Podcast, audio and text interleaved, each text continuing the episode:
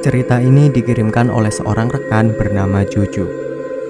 Kejadiannya di tahun 2011. Waktu itu masih suasana hari raya. Kebetulan hari itu Jojo sedang sendirian dikarenakan semua keluarga besar sedang mudik ke kampung halaman. Sekitar jam 9 atau 10 pagi ada seseorang yang mengetuk pintu dan Jojo bukakan. Ternyata seseorang ibu-ibu sekitar umur 50-an, wajahnya cantik. Jojo mempersilahkan masuk dan duduk. Tradisi di kampung Jojo, kalau dalam suasana hari raya, walaupun tamu yang kita tidak kenal, kita akan menyambut dan saling mengobrol di dalam rumah. Jojo ke dapur membuatkan minuman, dan ketika kembali ke ruang tamu dan menaruh nampan minuman tadi di atas meja, entah kenapa mata Jojo langsung melihat wajah ibu tersebut. Ada yang ganjil, garis antara bibir dan hidung tidak ada Walaupun sudah mulai takut, tapi Jojo berusaha setenang mungkin sambil melakukan percakapan.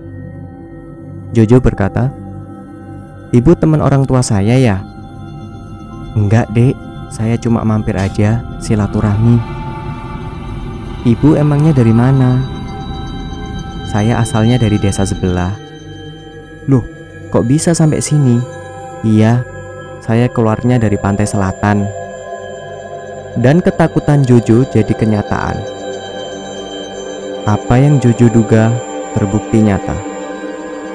Ibu itu bukan seorang manusia ternyata benar. Asal desa si ibu dan tempat dikatanya keluar itu jaraknya ribuan kilo dan tidak mungkin manusia biasa bisa jalan kaki dengan jarak sejauh itu. Tiba-tiba, Jojo mulai merasa energi positifnya diserap oleh seseorang ibu tersebut. Jojo merasakan sesak nafas, lemas, takut, bingung, dan putus asa. Si ibu sambil minum bertanya kembali, "Kamu warga keturunan ya?" Jojo berkata, "Iya." Ibu langsung menanggapinya, "Sama, saya juga warga keturunan seperti kamu." Karena Jojo sudah tidak kuat mengobrol dengan sang ibu, Jojo lalu mengatakan di dalam hati, "Ibu, tolong, pergi dari rumah saya. Lalu tiba-tiba si ibu ini pun sepertinya mengerti. Dia berdiri dan mengucapkan terima kasih sudah diterima dengan baik. Jojo melihat dia pergi sampai depan gerbang rumahnya. Seketika, perasaan Jojo kembali normal kembali.